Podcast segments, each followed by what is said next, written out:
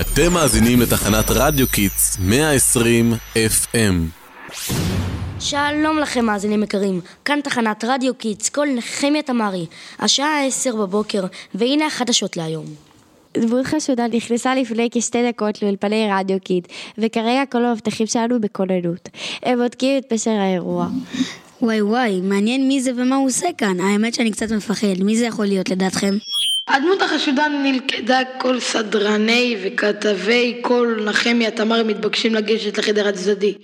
אני חוזר, הדמות החשודה נלכדה כל סדרני וכתבי רדיו כל נחמיה תמרי מתבקשים לגשת לחדר הצדדי. הגענו, מה היה כל כך דחוף? ומי זה הדמות החשוב? חנה נעלב בבית, זה אתה? איך הבלת אותנו? למה צמח לך זקן בחופשה? וגם נראה שלא הסתפרת הרבה זמן, מה קרה לך? כן, כן, חברים, זה רק אני. מצטער שהבלתי אתכם. מה? הייתי בטוח ששמעתם על ספירת העומר.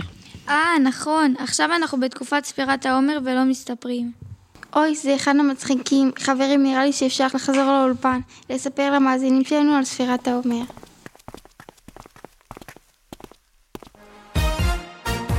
אז חזרנו לכם מאזינים יקרים, והפעם בשידור מיוחד על ספירת העומר. אני בטוחה ששמעתם קצת על המושג הזה, נכון? הם בטוח שמעו, יש לנו מאזינים חכמים. בכל אופן, בואי תספרי לנו קצת מה את יודעת על זה.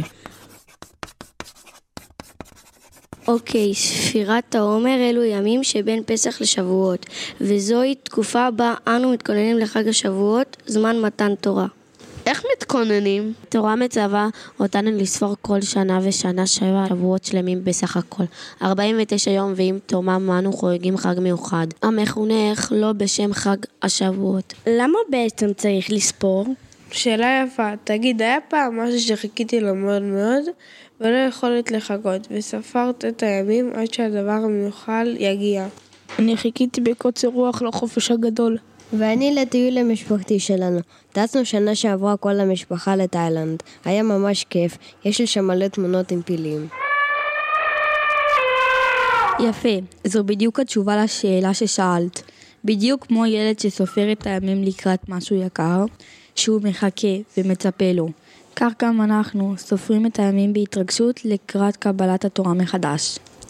האמת, אני באמת מחכה לחג הזה. אמא תמיד מכינה בו מאכלי גבינה טעימים, וגם זה משמח כל פעם מחדש להתרגש עם התורה, על כך שזכינו לקבל אותה. לגמרי, אבל שנייה אחת, קצת התבלבלתי. אם אלו ימים של התרגשות וציפייה, אז למה נוהגים בהם מנהגים מעניינים כאלו? חככה, ובמילים אחרות, למה חננאל הופיע פתאום עם זקן ועם שיער ארוך מהרגיל? שאלה נהדרת. קבלו בכבוד רב את שדרני כיתה ה-1 שיבואו לתת לנו תשובה. שלום מאזינים יקרים, מקווים שלא חיכיתם הרבה זמן. כאן כיתה A1 מבית ספר נחמיה תמרי, והבאנו איתנו תשובות מעניינות לשאלה שנשאלה.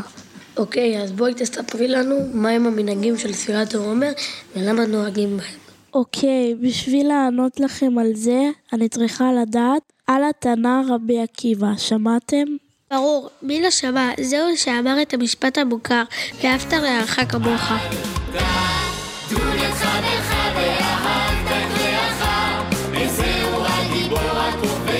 זהו בדיוק, אז רבי עקיבא היה תלמיד חכם, עצום וגדול. בתורה הייתה לו ישיבה ובה 24 אלף תלמידים. וואו, זה המון, ומה קרה להם? התלמידים של רבי עקיבא היו אנשים נפלאים, בעלי חסד ותלמידי חכמים. רק היה חסר להם עניין אחד קטן, הם לא מספיק נהגו בכבוד זה בזה. מה פירוש? אבל הם היו אנשים באמת צדיקים. נכון, כפי שאמרתי. אבל הם כל כך דאגו ואהבו אחד את השני, שכל אחד רצה שחברו יבין את התורה של רבם הנערץ, בדיוק כפי שהוא הבין, וכשזה לא תמיד קרה, הם לא מספיק נהגו כבוד איש ברעהו. נכון מאוד, בדיוק, אבל בגלל שאלוקים רצה ללמד אותנו, את כולנו מסר, עד כמה גדול וחשוב הכבוד לזולת. גם אם הוא חושב אחרת, אז הוא העניש אותם במגפה. וואו, עצוב, אז כולם נפטרו במגפה בימי ספירת העומר? כן, כמעט כולם, חוץ מחמישה תלמידים בודדים, וביום המיוחד ל"ג בעומר. הם הפסיקו למות, לכן זה גם נחשב כיום שמח. כן, הקשבתי לפודקאסט הקודם, על ל"ג בעומר, שם הסבירו על החג הזה כל כך יפה. אין על תחנת קול נחמיה תמרי שמשדרים ברדיו Kids, הם פשוט אלופים. מסכימה איתך לגמרי. בקיצור, כדי להזכיר לנו את מה קרה, נוהגים מספר מנהגי אבלות בימי ספירת העומר. לא מסתפרים, לא מבצעים חתונות ושמחות נישואין, ולא רוכשים בגדים הגורמים שמחה.